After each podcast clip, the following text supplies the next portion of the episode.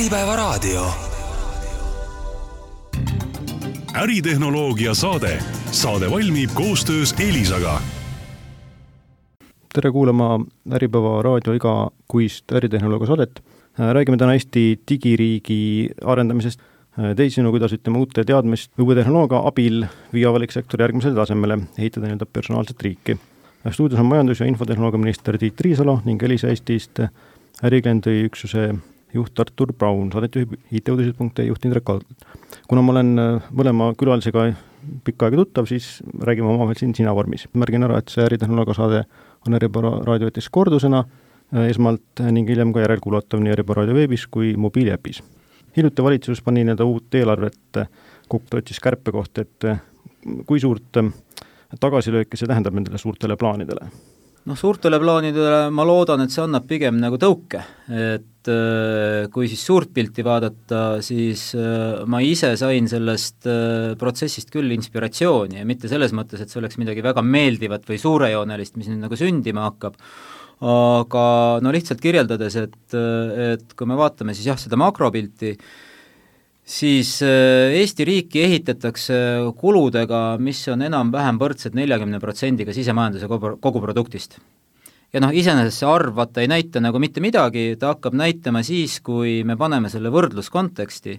ja me näeme, kui me võtame siis Euroopa Liidu, meie partnerid, eks ole, meiega, meiega sarnased, samameelsed riigid, siis me oleme seal tegelikult äh, tagantpoolt kolmandad. et allpool on veel Iirimaa ja Leedu, noh, Iirimaa kohta öeldakse, et teda ei saa tegelikult selles võrdlusbaasis kasutada, et seal on asjad nagu teistmoodi, et tege-, tegelikult Leeduga jagame siis viimast, eelviimast kohta, ja me nüüd vaatame nagu noh, niimoodi ausalt sellele oma Eesti riigile otsa, mida me kolmkümmend aastat oleme teinud, mis on paljude ettevõtjate, ettevõtlike inimeste, üldse töökate Eesti inimeste, ka tarkade riigiametnike ja avaliku sektori töötajate töösumma, siis meil on tegelikult täitsa okei okay riik et jällegi, seda võib öelda tunnetuslikult, seda võib otsa vaadates tegelikult nii-öelda indikaatoritele, mitte ühele, vaid nagu erinevatele, ja me oleme selgelt äh, seal nii-öelda top kümnes tugevalt sees. ja aga noh, mis on teatavas mõttes nagu paratamatus, on see, et, et ega me siis siin ei saa peatuma jääda. ja tegelikult me tahame üha paremat ja paremat ja nüüd ongi küsimus, eks ole, et kas me oleme valmis selleks rohkem kulutama ja noh, pigem tundub, et ka seal hakkab mingisugune piir nagu ette, ette tekkima. mida see meile tähendab, on see, et tegelikult me peame siis sellesse nii-öelda oma baasi, sellesse baaseelarvesse ja sellesse, mida me selle eest saame, neid teenuseid, tõsiselt sisse vaatama ja saama aru, et kuidas me sama raha eest tegelikult saame järgmise kolme, viie või viieteistkümne aasta jooksul paremat riiki ja siin on loomulikult äh, eriti Eesti kontekstis äh, võtmesõnaks äh, tehnoloogia ja digitehnoloogiad. Nii et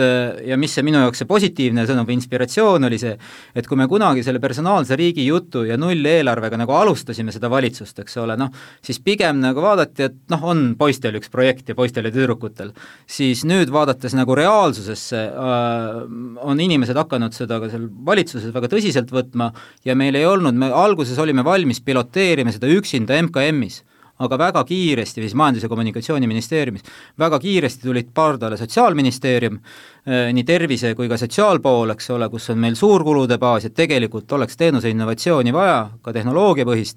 ja, ja loomulikult ei saanud ka Rahandusministeerium kõrvale jääda, eks ole, et noh, nemad on selle, selle protsessi nagu niisugune sisuline, eks ole, nii-öelda raamatupidaja või arvehoidja ja mina vaatan sellesse optimistlikult, et olekski rohkem loomult optimist, aga ma näen siin jah, perspektiivi tegelikult astuda päris samme selle riigi kordategemiseks kas selle viie ministriks oldud kuu jooksul on olnud mingisuguseid üllatusi või mis on need kõige suuremad üllatused, mida nagu ennem ei olnud teada või ette näha? midagi noh, nii-öelda nipet-näpet on nagu ikka olnud, ega ma ministriks ei läinud noh, sellisel emotsiooni ajel, eks ole, et olen äh, sellist poliitikas kaasa löönud juba enne, kui me selle riigi püsti saime, seal alates Muinsuskaitse Seltsi tegevustest kaheksakümnendate lõpus läbi üliõpilasseltside, olnud seal esimeste Riigikogu valimiste tegemise juures Isamaaga, olnud mingil perioodil ka erasektoris, töötanud seal päris pikki aastaid, siis hea sõber Mart Laar kutsus jälle appi,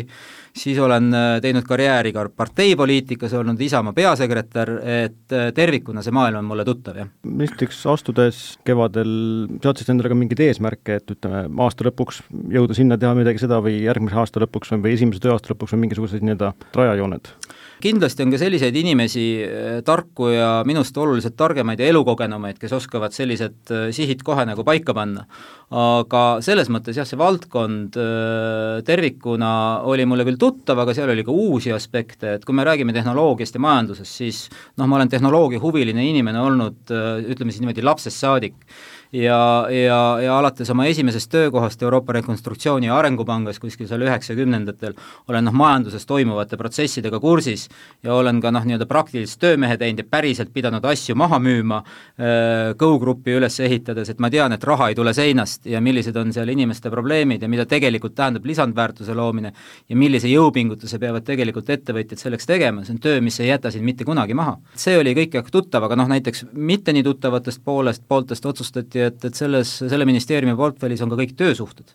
ja see on tegelikult noh, seni ma olen olnud ta-, tavaline töölepingu allkirjastaja, et see on tegelikult niisugune uus põnev maailm ja minu arvates, minu jaoks ja ma arvan, et on õige, et see pandi kokku just selle majanduse poolega, seni on ta alati olnud nagu sotsiaalpoole osa aga, aga ma arvan, et me saame siin võtta nüüd natukene teistsuguse vaatega sellele, et, et olemuslikult äh, kogu see töövaldkond peab kandma eesmärki, et me valmistume ka oma tööjõu kõige laiemas plaanis ette nendeks muutusteks, mis meil ees seisavad, et me oleme valmis nii digi kui ka siis rohepöördeks, et, et mis ju noh, need rongid sõidavad sellise kiirusega, ja ma ei räägi siin üksnes koodikirjutajatest, eks ole, vaid, vaid kogu Eesti tegelikult noh, töötlev tööstus ja üldse ka muud teenusmajandus tegelikult liigub sinna suunas, et me suudaksime, ja need muutused on päris kiired, no nagu ikka, vaikselt tulevad, tulevad, tulevad, eks ole, ühel hetkel see laine lööb vastu mandrišelfi ja siis on ta üleval, et me peame olema valmis tegelikult sellele nõudlusele reageerima, eriti muidugi Ida-Virumaal, võiksin, võiksin sellest pikemalt rääkida, aga täna on tehnoloogiasaade, et jaa, et et seal on mul nagu siis noh, selliseid ahaa-kohti olnud, et, et millega see Töötukassa täpselt tegeleb. Ja ma arvan, et nad teevad päris head tööd, aga loomulikult äh, ei, eh, ja mis mulle kõige rohkem meeldib, et see on organisatsioon, mis on nagu muutustele avatud, tegelikult saavad aru sellest, sellest oma rollist väga hästi ja sellest eh, nii-öelda kaasaskäimise vajadusest, et eh, just praegu on valitsuses nii-öelda menetlemisel uus tööhõiveprogramm, mis tegelikult noh, kõlab jälle bürokraatlikult, aga kus pannakse siis tegelikult paika see, mis me järgneva nelja aastaga Töötukassas teeme, siis noh, mitte nii-öelda seda toetusi makstes, see on omaette teema, eks ole, kuhu me jõuame, aga, aga Töötukassa oluline roll on ju ka tegelikult toetada neid inimesi hetkel, kui neil on seda abi vaja, aga siis noh, mitte jättagi neid sinna, vaid anda siis maksimaalne jõupingutus, et nad leiaksid võimalikult kiiresti töö ja et nad saaksid õppida selliseid ameteid, mis kaasaegses majanduses on vajalikud sinu ametimenetlus on majandus- ja info, infotehnoloogiaminister, et need valdkonnad osaliselt kattuvad, aga kuidas nagu laias laastus jaotub see nii-öelda see tööaeg, et selle põhilise valdkonda vahel, kui palju nii-öelda siis seda IT poolt on ja kui palju siis seda, mis, mis on muu? Ja eks ta käib nagu periooditi ja, ja ma arvan, et see tuleb ka nagu sellise töökogemusega, et, et, et kuhu, kui palju tähelepanu pöörata, noh praegu on, on selgelt, ma ei ole saanud nagu midagi kõrvale lükata loomulikult, aga praegu on, on selgelt pigem tähelepanu olnud, eks ole, sellel suurel pildil, sellel, et me saaksime, eks ole, oma personaalse riigi väljaehitamiseks vajaliku digipöördega edasi liikuda, aga ühtlasi olla ka ees, see, nagu ma ütlesin, see ole asi iseeneses, et saada ta siis siduda, eks ole, selle, selle tegelikult äh, suure riigipildiga. ja, ja no ma võib-olla täpsustaksin, et ma tegelikult olen mõelnud, et mis minister ma siis tegelikult olen, et mis on need, need kolm sõna, mis võib-olla täpsemini kirjeldavad kui, kui majandus- ja infotehnoloogia. et tegelikult ma olen digitehnoloogiate,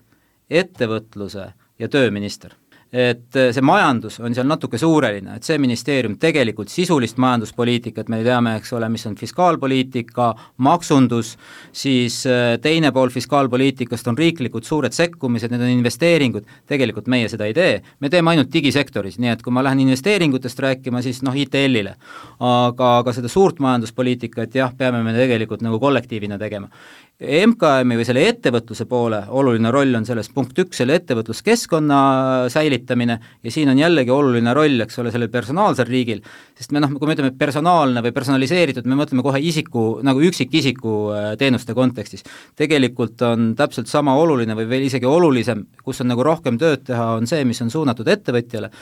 sest et paratamatus on see, et regulatsioone tuleb juurde sest maailm lihtsalt läheb keerukamaks, osad neist on muidugi kas või sellesama ai-ga seotud või andmetega seotult, eks ole, et kuidas me neid andmeid kasutame, kuidas isikuõigused ja noh, see on täiesti omaette saateid võib sellel teemal teha,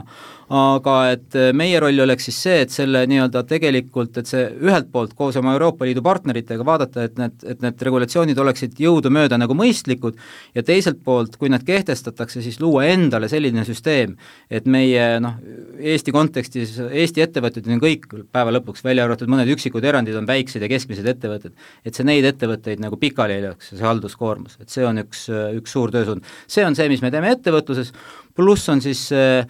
vana nimega EAS pluss KredEx, nüüd siis Ettevõtluse Innovatsiooni Sihtasutus, et seal on siis noh, need ennekõike eurorahade meetmed, mis me siis saame äh, Eesti ettevõtluse äh, ütleme siis nügimisel või selle kaasaaitamisel sinna tulevikumajanduse suunas teha, et, et meie sekkumised ei ole ju suured, meil ei ole miljardeid kuskilt võtta, nii nagu mõningates mõningates meie mitte väga kaugetes naabrites seal Euroopa tuumikus, mis jällegi on muutumas nagu omaette probleemiks. et me tegelikult hakkame solkima oma turgu, Euroopa Liidu ühisturgu, aga see on jälle niisugune omaette, omaette pikk teema, aga noh, kirjeldamaks, et mida ma teen. ja, ja eks siis sõltuvalt vajadusest äh, need fookused nagu nihkuvad, jah. okei okay,, lähme korraks siis selle digitehnoloogia juurde, mis läbi käis korduvalt, et et on palju räägitud sellest Eesti nii-öelda e-riigi või digiriigi, ma ei tea, paigal tammumisest või, või magama jäämisest või nõnda, et kuidas nagu ütleme siis selle viie ametis oldud kuu järel see teema paistab? kas on õige rääkida paigal tammumisest? no aus vastus on nii ja naa, aga, aga kahtlemata ei ole see niimoodi, et Eesti riigil on mingisugune hulk inimesi, eks ole, et äh, tegelikult ega äh, noh, kuigi tiitel seda ütleb, eks ole, mina ei ole e-, Eesti e-riigi nagu esitehnoloog, ma ei ole nagu olemuslikult või noh, põhimõtteliselt inseneriharidusega inimene, eks ole, kes on välja kasvanud sellesse positsiooni kuskilt, ma ei tea, alustanud koodikirjutajana kuskil äh, büroos aga, aga mul on nagu see, see laiem vaade selle huvi tõttu olemas, et et ja ma vastaksin sellele niimoodi, et inimesed, kes seal töötavad, nii ministeeriumis kui ka tegelikult nendes meie IT-majades ja, ja noh, mulle kõige olulisem, eks on Riigi Infosüsteemi Amet, eks ole, kes haldab ka meie küberturvalisuse poolt, mis on nagu ülioluline, ma arvan, et inimesed on professionaalid ja on alati teinud nagu endast parima, et mis küll on toimunud, on see, või nagu kuidagi mõjutanud seda paigal tammumist, et äh, mina isiklikult usun seda väidet, et äh, kuidas meie digiriik sündis äh, noh, seal üheksakümnendate lõpus, kahe tuhandete alguses, et seal oli mitmed õnnelikud asjaolud, langesid kokku, üks oli see, eks ole, et meil üldse on haritud rahvas, kes on, kes on nagu noh, suuremal hulgal valmis tehnoloogiaid nagu vastu võtma, Äh, teine on see, et meil olid nii-öelda tehnoloogia võtmes ennekõike Tallinna Tehnikaülikoolis, eks ole, selle ümber inimesed, kes olid nagu selle tehnika viimase nii-öelda sõnaga sealt alates sealt krüptomatemaatikast, eks ole, kuni, kuni tegelikult nende keeruliste masinate ehitamiseni nagu valmis maailma tipptasemel nagu kaasa rääkima, oli nende hulgas visiooniga inimesi ja oli ka julgeid poliitikuid, kes ütlesid, et teeme ära et, et alati on lihtsam öelda, et ärme tee, et noh, mingi kahtlane digivärk, eks ole. aga üks asi, mis seal minu arvates ka oluline on, on see, et me lihtsalt olime vaesed me ei olnud nagu teist valikut, eks ole, et kui me tahts-, tahtsime midagi efektiivselt teha, me pidime tehnoloogia poole vaatama ja, ja noh, üks oluline faktor ka see, eks ole, kuhu ma tahan jõuda, et tehnoloogia kui selline oli jõudnud sellisesse faasi, et ta oli massiliselt kasutusele võetav. noh, internet, eks ole, ei olnud enam äh, ja World Wide Web ei olnud enam niisugune üksikute noh, nii-öelda ütleme, tehnofriikide siis niisugune harrastus, eks ole, et see tehnoloogia oli oma nii-öelda lapsepõlve läbi teinud, eks ole, ta oli skaleeritav ja meil, meil oli esimesena julgust jällegi koostöös erasektoriga, see on ülioluline seal. et just see penetratsioon tuli läbi pankade, läbi telkode, eks ole, et lihtsalt riik ei teinud mingit oma asja kuskil nurgas. Et, et tänu sellele ta läks nagu käima. Ja mis siin vahepeal on juhtunud, eks ole, me oleme märkimisväärselt rikkamaks saanud. me oleme saanud ka Euroopa Liidu liikmeks, Euroopa Liit on meid palju aidanud, eks ole, oma erinevate struktuurivahenditega, aga vaata, rahal, kui teda on nagu mingis kontekstis palju, on ka tegelikult omadus korrumpeerida süsteeme. Ja seda on ka juhtunud, eks ole, et me lihtsalt oleme planeerinud mingit raha, kirjutanud neid projekte ei ole terviklikku tsentraalset juhtimist ka selles noh, IT-maailmas ei olegi mõeldav, eks ole, et Majandus- ja Kommunikatsiooniministeerium ütleb Sotsiaalministeeriumile täpselt, millist, millist tarkvara ta peab kirjutama, vaid pigem tagama tehnoloogilist baasi et ja meil on tekkinud ka selle tõttu palju niisugust, ütleme siis ebavajalikku või taakvara, ja, ja jälle mingites kontekstides ei ole me konsolideerinud oma IT-baasteenust, ma pean siin silmas serverimajandust, ühtset arvutitöökoha teenust, me oleme jäänud hiljaks selle konsolideerimisega. Ja nüüd siis tagantjärgi seda teeme, noh, ja see kõik maksab, maksab jällegi oluliselt rohkem, kui, kui see oleks nagu näiteks Taanis on juba väga pikalt see edulugu, eks ole, ja kogemused olemas. Noh, see on see seis, eks ole, ja öelda nüüd, et me lohistame jalgu järgi, ei lohista. alati on tehtud, alati on paremaks tehtud, on mingid kohad, on, kus on probleemid ja nüüd ongi meil võimalus neisse sisse vaadata ja, ja, ja seda ühelt poolt ja teiselt poolt minu arvates on praegu konsensus nende inimestega, kellega noh, mina koos tööd teen, et me tegelikult oleme ka jõudnud selles tehnoloogia arengutsüklis nagu sellisesse faasi, et praegu ongi õige aeg seda Eesti digiriigi äh, nii-öelda versiooni kaks null või uut iteratsiooni nagu tegema hakata, sest ka tehnoloogia, me räägime siin pilvedest, eks ole, niisugused poeetilised terminid nagu andmejärv, eks ole, rääkimata ai-st, et see jõuab sellisesse küpsusastmesse, et me oleme ju kratiga eksperimenteerinud siin juba neli-viis aastat, meil on sada viiskümmend asja, mis on, või nagu teenust, mis on sealt läbi käinud, aga see ei ole veel päris see. Aga, sest tehnoloogia ei ole seda võimaldanud, aga nüüd on, on mastaapne tehnoloogiline hüpe toimunud. Ja noh, meie ülesanne ongi nüüd äh, sellest võimalusest kinni haarata. Ja seda me teeme nii, andes sellele sisulise sellise nii-öelda riikliku suure formaadi, milleks me seda teeme, et oma riiki efektiivsemaks teha, äh, ja teiselt poolt äh, teeme siis nii-öelda, meil see MKM-is kahe tuhande kahekümne kolmanda aasta teine poolaasta on kuulutatud planeerimiste aastaks. et jällegi inimesed võivad grimasse teha, et jälle kirjutavad mingisuguseid kavasid, Äh, mina ei kujuta ette, et nii kompleksset süsteemi on äh, võimalik juhtida isegi väikse Eesti riigi näol, ilma tegelikult häid plaane omamata, et teha õigeid asju õigel ajal ja lähme teeme seda nii andmemajanduses, keeles, ai-s, küberturbes äh, ja ka, ja ka identiteedis et see meil küll praegu töötab, aga juba kuskilt paistavad kvantarvutid. et me oleksime tegelikult, oleksime valmis valmis siis selle aasta jooksul ja kui meil paralleelselt jookseb nii-öelda see nullieelarve või riigireform nagu kompleksse plaaniga, äh, kuidas me saame edasi minna, ja noh, nüüd on edasi, on realiseerimise küsimus, et et ja ma saangi siin sõnajärje üle anda, et ma olen nii palju rääkinud, et vaata, poliitiku roll pidi olema anda visiooni. ma usun, et mul on visioon, mis tegelikult nagu haakub reaalse maailmaga ja võiks olla inspireeriv ja ma, ma loodan, et, et inimesed tulevad sellega kaasa ja see ei ole ju see, et ma annan viiele MKM-i ametnikule korralduse, eks ole, et teeme seda. et see on need nii-öelda noh, olen ka ITL-is käinud juba sellest rääkimas nii mõnedki korrad, eks ole, ja sealt on jällegi, sealt visioonist on juba minnud asjad, läinud asjad konkreetsete konsultatsioonideni, eks ole, näiteks seda, et kuidas me ikkagi selle oma M-riigi rakendusega, eks ole, jõuaksime laivi, aga et see oleks selline, et ta tegelikult teeniks seda personaalset riiki ja, ja et Eesti jällegi ettevõtetel oleks seal ka oma roll nendes arendustes ja nõnda edasi. täiendaks sulle ka seda, seda mõtet, et ega riik, riik ei ole midagi ju iseeneses, et et äh, riigis on avalik sektor, riigis on erasektor. ja, ja minu meelest ka see tegelikult, tulles tagasi selle küsimuse juurde, et Indrek, mis sa küsisid, et et kas, äh, kas Eesti digiriigina on paigal tammunud? jah, võib-olla, et on, on olnud seal mõningaid väljakutseid, millele ka, ka Tiit, Tiit viitas, et, et kuidas me oleme suutnud edasi liikuda ja kust me liikuma läksime, aga samal ajal, kui me vaatame erasektorit, siis erasektor on ju teinud ka kolmekümne aasta jooksul läbi tohutuid muutusi ja, ja ennekõike tehnoloogias ja ja, ja ega, ega Eesti ükssarvikud ei ole tulnud ju lihtsalt äh, lihtsalt niisama mitte midagi tehes, paigal tammudes, et, et seal on ikkagi olnud hästi, hästi palju sellist ettevõtlikkust, soovi midagi ära teha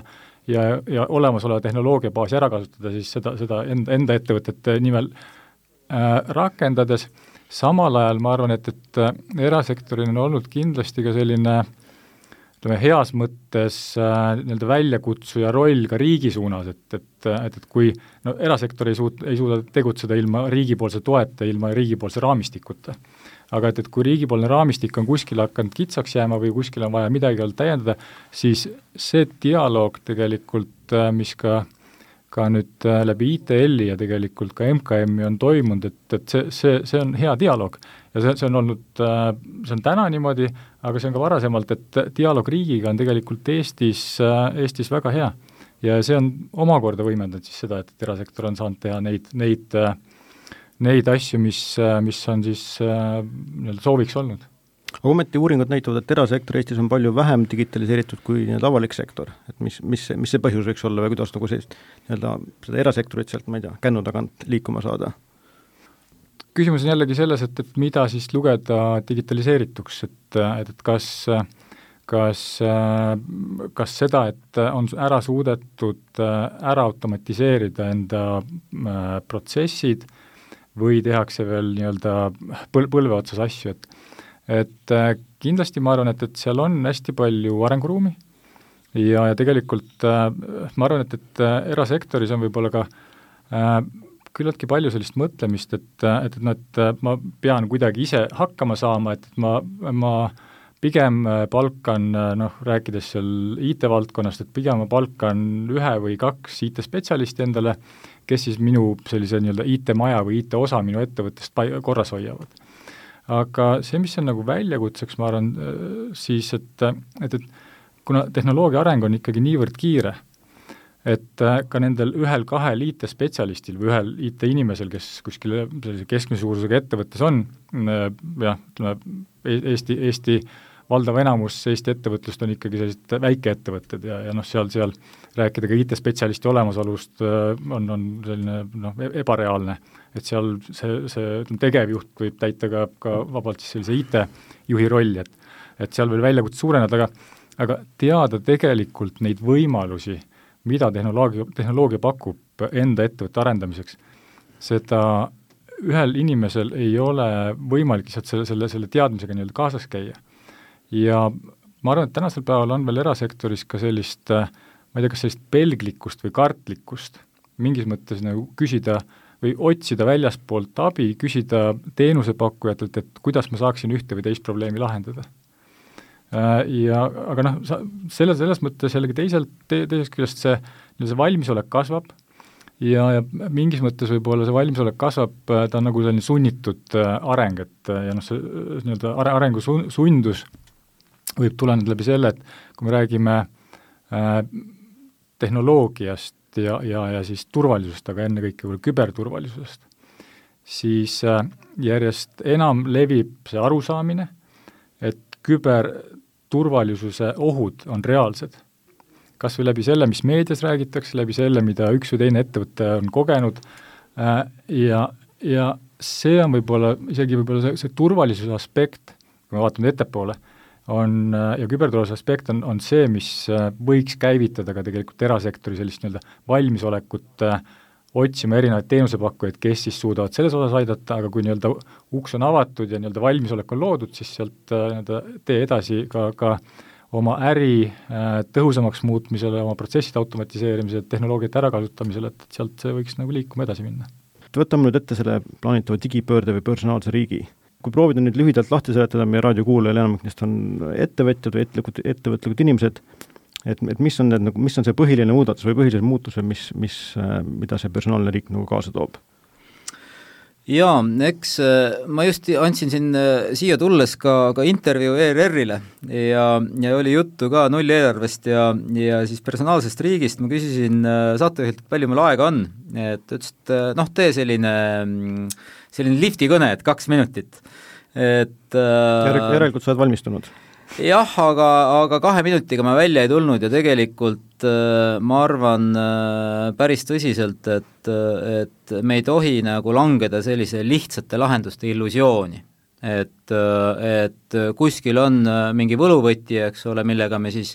noh, ehitame sellise äh, nii-öelda uue versiooni oma digiriigist, eks ole, ja see kõik on üks lihtne programmeerimise küsimus, eks ole, et, et seda ma üritasin siin ka eelmises juba noh, selles saate osas nagu, nagu seda suurt pilti nagu ette manada, aga noh, siit sealt nagu edasi arenedes, et et noh, võib-olla niisuguste lihtsustatud näitega, et on inimesi, kes on arvanud, et see noh, teeme selle M-riigi äpi valmis, eks ole, siis meil ongi personaalne riik, eks ole, et sul on telefon on käes, siin on personaalne ja siis saadki sealt nagu, nagu asju teha, järjest tuleb juurde ja aga noh, sisuliselt on loomulikult see M-riik või M-riigi äpp, eks ole, lihtsalt üks tööriist, meie kastis, et et ja seda me, kui sellest konkreetsemalt rääkida, siis,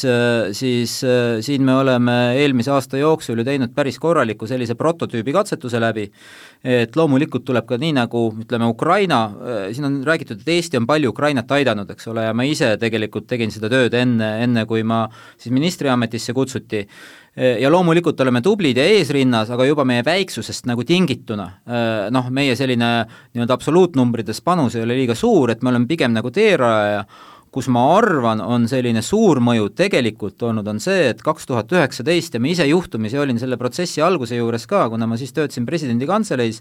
ja, ja president Zelenski visiidi käigus, see oli niisugune hea tõuge kirjutada alla Eesti ja Ukraina vaheline nii-öelda digikoostöölepe ja see ei jäänud lihtsalt leppeks paberis, eks ole, vaid siis nagu kiiresti hakati ka arendama Ukraina digiriiki, see ei olnud üldse ammu, eks ole, lähtudes meie nagu baasprintsiipidest, mis on meid üliedukalt teeninud, eks ole, noh, siin ei pea pikalt seletama, universaalne andmevahetuskiht, mida me nimetame X-teeks, nemad Trembitaks, ja siis selle peale, eks ole, toimiv identiteet.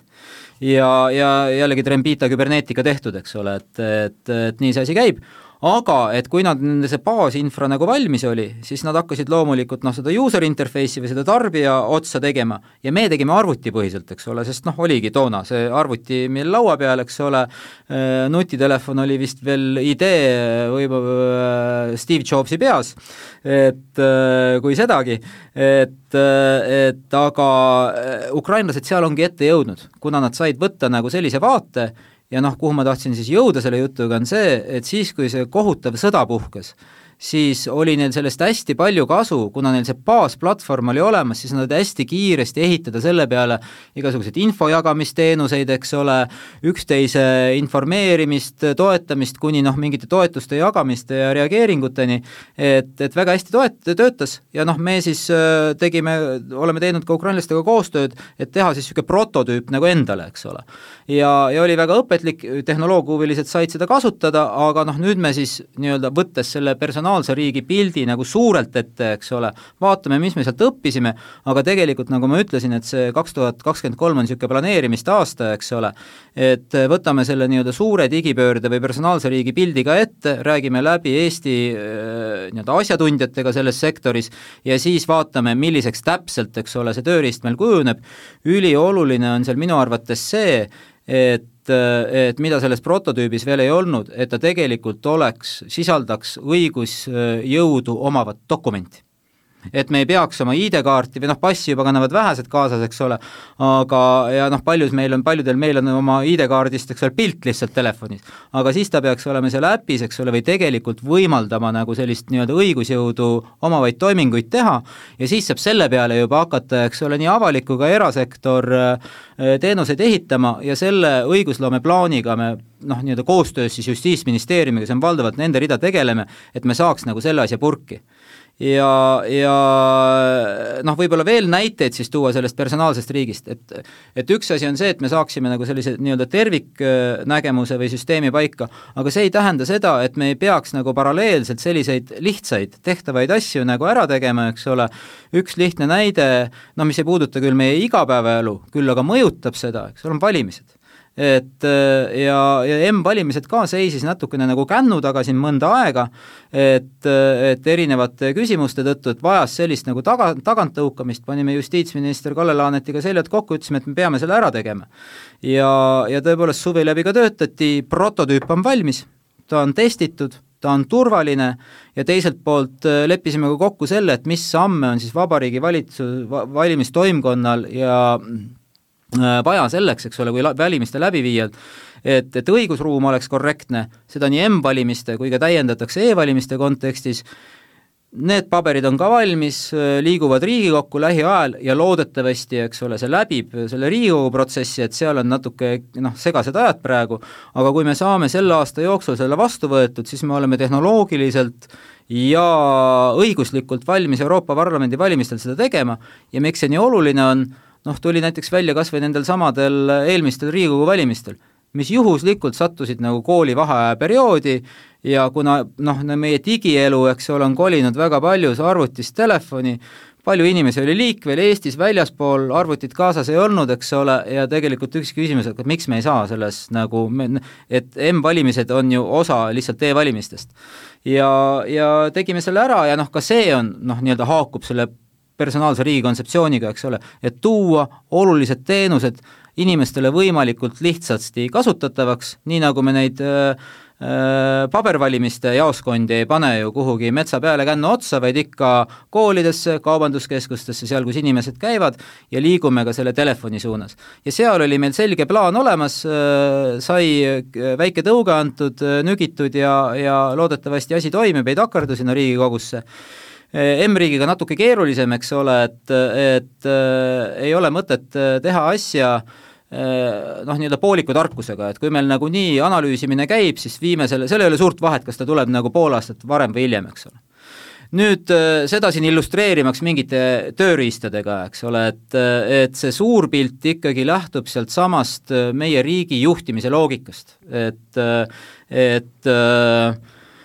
et see ei ole ka juhuslik et äh, tegelikult äh, iga, nagu ma vist mainisin ka, et kompleksseid süsteeme ei saa e, nagu juhtida ilma, ilma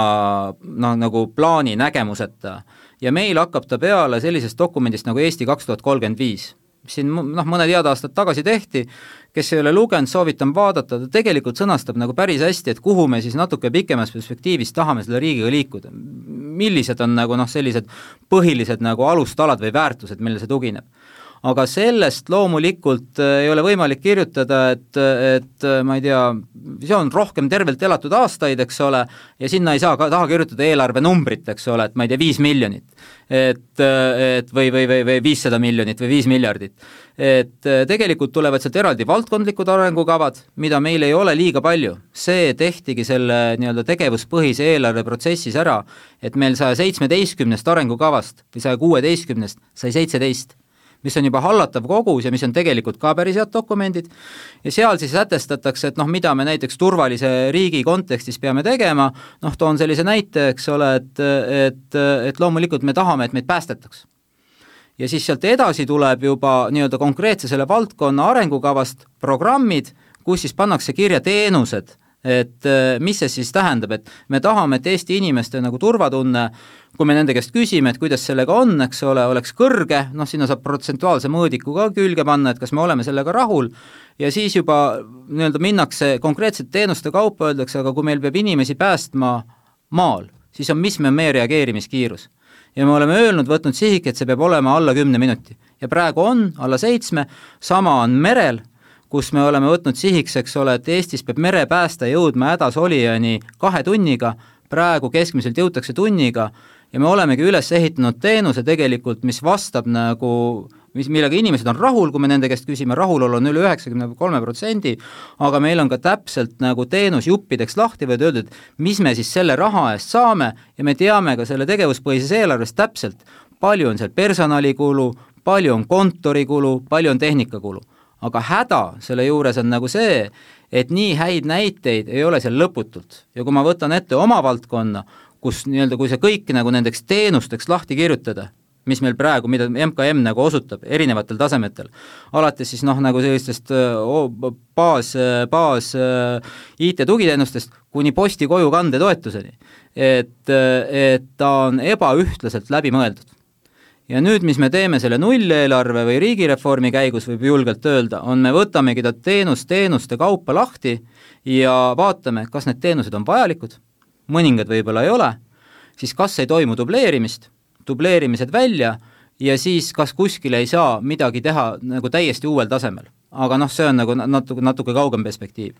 ja kui me selle pildi oleme nagu ette saanud, siis teiselt poolt me paralleelselt tegeleme sellega, et me kirjutame oma tehnoloogilised roadmap'id valmis, mis puudutab, nii ma rääkisin, andmeid, keelt, ai-d, seda ühelt poolt, ja ka personaalse riigi kriteeriumeid, et me paneme kirja, tegelikult on see nagu lihtsasti kirjeldatav, aga sa pead andma selle ka sellise nii-öelda tehnoloogilise maatriksina.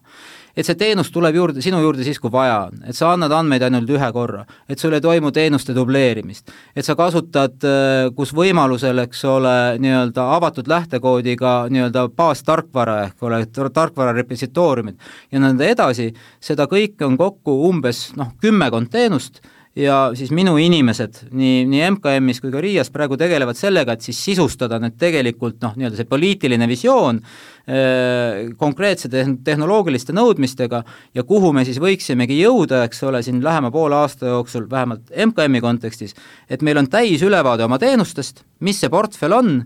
me oleme otsustanud, et mida me arendame edasi ja kuhu me selle mõõdame ja siis me, ja kui tekib küsimus, aga kuidas, siis me paneme sellele peale selle personaalse riigi maatriksi, mis siis arvestab võimalust mööda äh, noh, nii palju kui võimalik, eks ole, selle tehnoloogilise arenguga, mis meil praegu on olnud. kui sa ütlesid alguses äh, eelmises saate osas äh, meenutasid seda e-riigi teket mõnikümmend aastat tagasi mm, -hmm. kuidas seal olid äh, mängus äh, ülikoolide inimesed, äh, visionäärid, IKT ettevõtted mm, -hmm. kuidas nagu praegu seda nii-öelda selles digipöörde ja, ja, ja personaalse riigi juures, mis, kui suur roll on, ütleme, ITL-il või IKT sektoril laiemalt, kui on, kuivõrd on nad kaasatud, kui palju nagu sealt nii-öelda tuleb? Sisendit või minu minu arv-, noh, ma ühe näite nagu tõin, eks ole, et selle, sellesama M-riigi äh, üks konkreetne rakendus, eks ole, et, et, et äh, selle nii-öelda visiooni või selle prototüübi edasise visiooni, eks ole, arendamise juures on inimesed aktiivselt koos. Ma saan aru, et RIA ja ITL moodustas, käisin nende, nende aastakoosolekul rääkimas ja seal oligi noh, nii-öelda piltlikult öeldes käigu pealt, aga see on see, kuidas me reageerime, tegelikult ITL-i liikmesorganisatsioonidest pandud kokku selline nii-öelda vabatahtlik vabatahtlike tehnoloogide seltskond, eks ole, kes on valmis oma aastakümnete pikkuse nagu know-how'ga appi tulema, eks ole, mitte noh, nagu tasu eest siin teenust osutama, vaid välja mõtlema, et mis on tegelikult see noh, nii-öelda lahendus, mille poole me võiksime nagu liikuda, eks ole, ja noh, küllap siis kunagi jõutakse ka selleni, eks ole, et kirjutatakse hanked valmis ja kel on pädevus, saab neil osaleda, eks ole, aga aga minu nägemus ja see on täiesti siiras ja ma loodan, et see võimalikult palju praktikas nagu realiseerub, on see, et nii väikses riigis nagu Eesti ei ole võimalik üksi mitte midagi teha et kogu meie edu on tegelikult selles, kui palju me suudame tegelikult nagu niisugust koostööd hoida ja mitte ainult tehnoloogiasektoris. et noh, see on ka üks nagu trend, mis meil tegelikult äh, selles ühiskonna avalikus retoorikas häirib, ma arvan, et sellise igapäevaelu tasemel teevad inimesed ikka koostööd, eks ole. aga kui see, kui see foon nagu on selline ebameeldiv, kraaklev, haukuv, ma arvan, see tegelikult ei ole hea, aga see selleks. et, et mina olen suur kaasamise äh, poolehoidja ja olen seda elus ka erinevates rollides praktiseerinud ja ka sellel on omad piirid ees, et noh, tegelikult peab kaasatav aru saama, mis tast tahetakse ja mingil hetkel pead sa sellele olema suuteline kaasatavale ka ütlema, et kuule, sul ei ole piisavalt pädevust või tegelikult on siin liiga palju oma huvi, et, et me ei liigu niimoodi tasakaalustatud lahenduse suunas. aga, aga olemuslikult tuleb koostööd teha, jah, ja, ja, ja eks ma nüüd järjest nagu noh, ka seda äh, kuna plaan on nüüd, suur plaan on paigas, eks ole, tegelikult see, see nii-öelda nulleelarve protsessile me saime piltlikult öeldes templi peale valitsusest kolmkümmend üks august ma võin täie veendumusega öelda, eks ole, et, et selle valitsuse tahe on sellega edasi liikuda, et ja teiselt poolt oleme tegelenud siis selle te tehnoloogia või personaalse riigi poolega, ka seal on pilt selge, mille peale me peame veel mõtlema, eks ole, ja kuidas sellega edasi liikuda, et eks loomulikult tuleb käia ja selgitustööd teha ja aitäh kutsumast, et eks seegi on osa sellest jaa, kindlasti, et, et äh, era, erasektori ja avaliku sektori koostöö ja riigi, riigi ja erasektori koostöö on, minu arust ka hästi-hästi oluline ja, ja ja võib, võib-olla räägiksin selles mõttes ka kaasa sellele, sellele mõttele, et, et kui, kui, kuidas riik suudaks siis olla selles mõttes tark tellija ka, ka erasektori suunas, mitte, mitte võib-olla palgata endale lisaarendajaid, aga just võib-olla koolitada riigi esindajaid, ametnikke äh, olemaks siis tehnoloogiliselt pädevad ka esitama nii-öelda oma ja kõrgeid nõudmisi erasektorile, mis tegelikult tõmbab kaasa ka erasektori arengut. et, et, et ja noh, see, see, see koostöövajadus äh, on, on hästi suur ja ja samas äh, ei tasu nagu unustada seda, et, et erasektoril äh, on ressurssi ja soovi ka investeerida tehnoloogiate arendamisse. et võib-olla ka, ka olukordades, kus riigil äh, seda võimalust ei ole või, või eelarveliselt on teised prioriteedid, siis, siis erasektor saab alati kindlasti sinna kaasa tulla võib-olla siin ma kommenteeriks veel ühte teemat, mida, mida te, mida me siin puudutasime, kus ma sõna ei võtnud, on see nii-öelda Eesti ettevõtlussektori digitaliseeritus. Et äh, ma tegelikult pean tunnistama, et ma ei ole nendesse metoodikatesse sisse läinud, et olles ise noh, tegelikult hariduslikult taustaga ka, ka inimene, kes on nagu uuringutega kokku puutunud, siis võib-olla mul on nende vastu nagu kõrgendatud ootused, eks ole, ja ma tean, et tohutult palju sõltub metoodikast ja valimist, eks ole, et lõppkokkuvõttes saada ükskõik mis numbrid, aga sa saad neid uskuda ainult siis, kui sa tead, et noh, tegelikult, tegelikult andmed on korrektsed aga, aga tõepoolest eeldame, et nad on korrektsed, et, et me justkui nende näitajate poolest oleme allpool. Ja, ja mul on tunne, et see on tegelikult hästi ebaühtlane. Et noh, ma siin viimastelgi päevadel olen käinud mööda ennekõike nii-öelda Eesti tootvaid ettevõtteid ringi, eks ole, et hoomata, mis on nende probleemi tuum ja, ja noh, ma olen näinud seal täiesti selles mõttes imelisi ettevõtteid, käisin eile siin raadios inseneeringus, eks ole, noh, selle juhil on äh, enam digitaliseeritum see ettevõte ei saa olla, eks ole, sa võtad äh, nutitelefoni vastu, eks ole, ja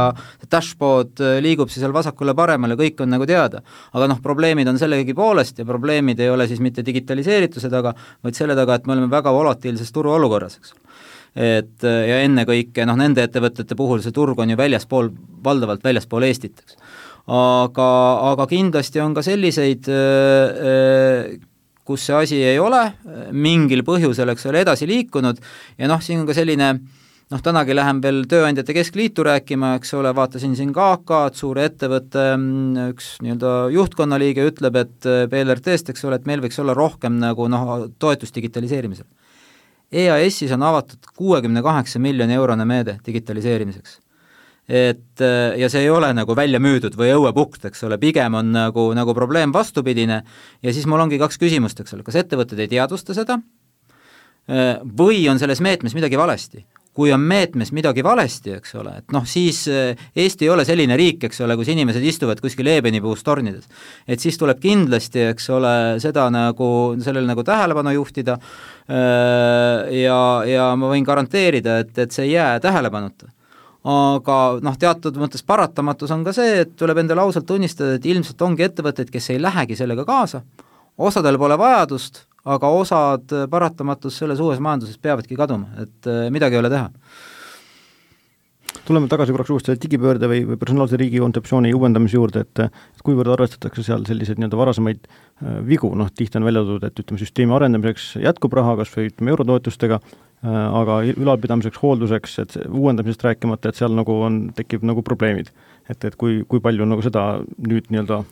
arvesse võetakse, seda pikk, see täis, täis nii-öelda elukaart? jaa, ei noh, kuna me oleme selle protsessi alguses, eks ole, siis, siis loomulikult tuleb sellega arvestada ja see on selles mõttes nagu paratamatus, et need eurovahendid saavadki otsa. et äh, olemuslikult aastast kaks tuhat kakskümmend viis äh, noh, me juba oleme on our own et äh, ja see tegelikult on ka noh, küsimus, mis vas-, vajab nagu lahendust ja võib-olla on ka üheks selliseks nagu, nagu tõukeks, eks ole, et kui sa päriselt enam ei saa sealt nagu jõulukuuse alt seda pakikest otsida, et siis tuleb jälle pea tööle panna, jah. kui palju me, kui rääkida nagu sellistest äh, eeskujudest või, või suund, kuhu minna või kelle järgi teha, on ju, siin näiteks on jutuks olnud see koostöö Ukraina, kuidas me aitasime neid teha ja nüüd vaatame mõningaid mm. asju, kuidas nemad on nagu teinud või teistmoodi teinud, et äh, kas me mõnikord võrdleme ennast ka IT-alal silmapaistvate ettevõtetega, et me ei pea mitte teiste riikide järgi vaatama, aga näiteks ma ei tea, Google, Amazon, mida nemad on teinud, midagi sellist, mida saaks nagu kasu, kasutusele võtta? jaa, see on ka paratamatus äh, ja ka üks noh, mõnes mõttes ikkagi nagu vastumäge jooksmine, et, äh, et seal on mitu teemat et ma olen ka üsna hiljuti Sundar Pichaiga kohtunud Stockholmis siis eks ole, Google'i CEO-ga ja noh, esimene asi, mis pälvis kohe üleüldise, sinna kutsuti umbes niisugune seitse-kaheksa juhtivat nagu, nagu innovatiivsemat digiriiki, eks ole, mis pälvis üleüldise aplausi, oli see, et äh, need nii-öelda megakontsernid, mis ühtlasi on väga paljudes asjades äh, de facto standardiks kujunenud, et nende sotsiaalne vastutus ja roll on seista äh, ka väikekeelte eest. Ja see ei ole mitte üksnes eesti või läti või, või iiri keele, sama asja tunnevad hispaanlased eks ole, rahvas, kellel on seitsesada viiskümmend miljonit native speaker'it, et nad hakkavad nagu jalgu jääma, eks ole, sellele tehnoloogia arengule. et äh, see on üks asi, eks ole, millega me peame nendega koostööd tegema ja mulle tundub, et siin pigem need suured keelemudelid, eks ole, annavad teatud, äh, teatud lisavõimalusi, kui seda targalt, äh, targalt nagu teha ma saan aru, et Eestis on, on selle ala nii-öelda teadlasi olemas, kes sellega ka töötavad aga, aga meie koostöö, see on lihtsalt üks näide, eks ole, on ka selles mõttes paratamatu, et kui me tahame minna oma krati projektiga edasi, eks ole, noh, personaalse riigi visiooni osa on ju ka tegelikult see, et, et noh, natuke võib-olla äh, lihtsustatud näide, eks ole, aga vaata, meil on ju kõike lihtne teha, eks ole, viimane asi, mis sellistest olulisematest avalikust, avalikest teenustest online'il läks, oli lahutus noh, järgmisest aastast saad lahutada ka, eks ole, ilma et kohale ilmuks. abiellud on juba ammu saanud, eks ole, mulle öeldi, et Eesti Eesti naised ja tütarlapsed on rahul, et vaata altari ette noh, nagu on raske seda Eesti meest saada, aga noh, digiallkirja ikka ära paneb. et, et ja noh, üks asi, mis me siis selles valdkonnas üritame teha, on see, aga sellega kaasneb veel nagu terve rida protsesse et üks on see abielu registreerimine, pahatihti vahetatakse nime, pahatihti on siis vaja uued dokumendid, siis on vaja elukoha, eks ole, aadress ümber muuta ja need on kõik suhteliselt lihtsad protsessid, eks ole, meie digiriigis, aga kõik on nagu eraldi toimetatavad. et noh, üks osa sellest nii-öelda personaliseerimisest ongi see, et selle teenuste auditi käigus me vaatame ka need asjad üle, mis on hästi ja vaatame, kas need saab veel kompaktsemaks teha. et see on üks selline sündmusteenus ja selle järgmine samm on siis see, et sa ei pea, eks ole, isegi nagu arvutis noh, seal nii-öelda Eesti eesse sisse logima ja seda kõike nagu hästi lihtsalt käivitama, vaid sa võtad oma selle personaalse assistendi, mis iganes ta nimi on, kratt või kratinna või, või võib-olla tekib mingi muu nimi, eks ole, ütled, et tead, ma ei tea, Mari ja mina oleme otsustanud täna abielluda, et äh, tee need asjad ära. Ja see ei ole enam science fiction, eks ole, et aga selleks, et see assistent siin telefonis töötaks hästi, ühelt poolt nagu õpiks ära, eks ole, meie õigusruumi ja kogu selle nii-öelda selle poole, aga teiselt poolt äh, oleks ka nagu lihtsasti kasutatav, eks ole, ja osa nagu niisugusest tervikkogemusest, siis me tegelikult ei pääse koostööd nende nii-öelda ei Apple'i ega Google'i tegelikult äh, assistentidega. ja see peab saama sinna integreeritud noh, teine näide, needsamad M-valimised, eks ole, et noh, mis see küsimus on olnud, et mis seal on teistmoodi et noh, teistmoodi on olemuslikult üks asi, et kui e-valimiste puhul on see kõik meie kontrolli all, meie kood, meie juhtmed, meie serverid, eks ole, siis seal peab see nii-öelda M-valimiste rakendus, mis mul on siin telefonis olemas, peab jõudma äpipoodidesse. Apple, eks ole, Android jällegi, ja vot seal tekib see küsimus, et mingil, mingis mõttes ta väljub nagu meie kontrolli alt, meie ei saa seda sinna panna. ja, ja see tekitab inimestes kohe sellise tunde, kas me saame seda kontrollida. noh, tegelikult tehnoloogiliselt lihtsalt seletades muidugi saame, et see on võrreldav sellega, et meie kirjutame kirja kirjutad vanaemale kirja, ütleme, vanaema sul emaili ei kasuta, eks ole, selleks, et kiri vanaemani jõuaks, on sul vaja ümbrikut ja marki. no vot, siis need App Store'id pakuvadki meile ümbrikut ja marki, see ei muuda nagu seda sisu, eks ole,